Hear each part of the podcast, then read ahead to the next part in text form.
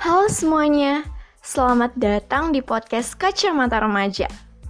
Remaja menjalani hari-hari sebagai seorang remaja tidaklah mudah. Pendidikan, cita-cita, masa depan selalu menghantui pikiran setiap para remaja. Seberapa pentingkah masa depan bagi seorang remaja? Apakah perspektif seorang remaja dalam memaknai pendidikan? Kita akan membahas ini bersama saya Kalista, host pada podcast Kacamata Remaja.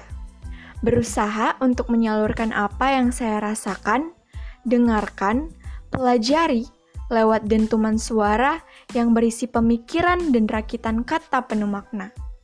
Terima kasih.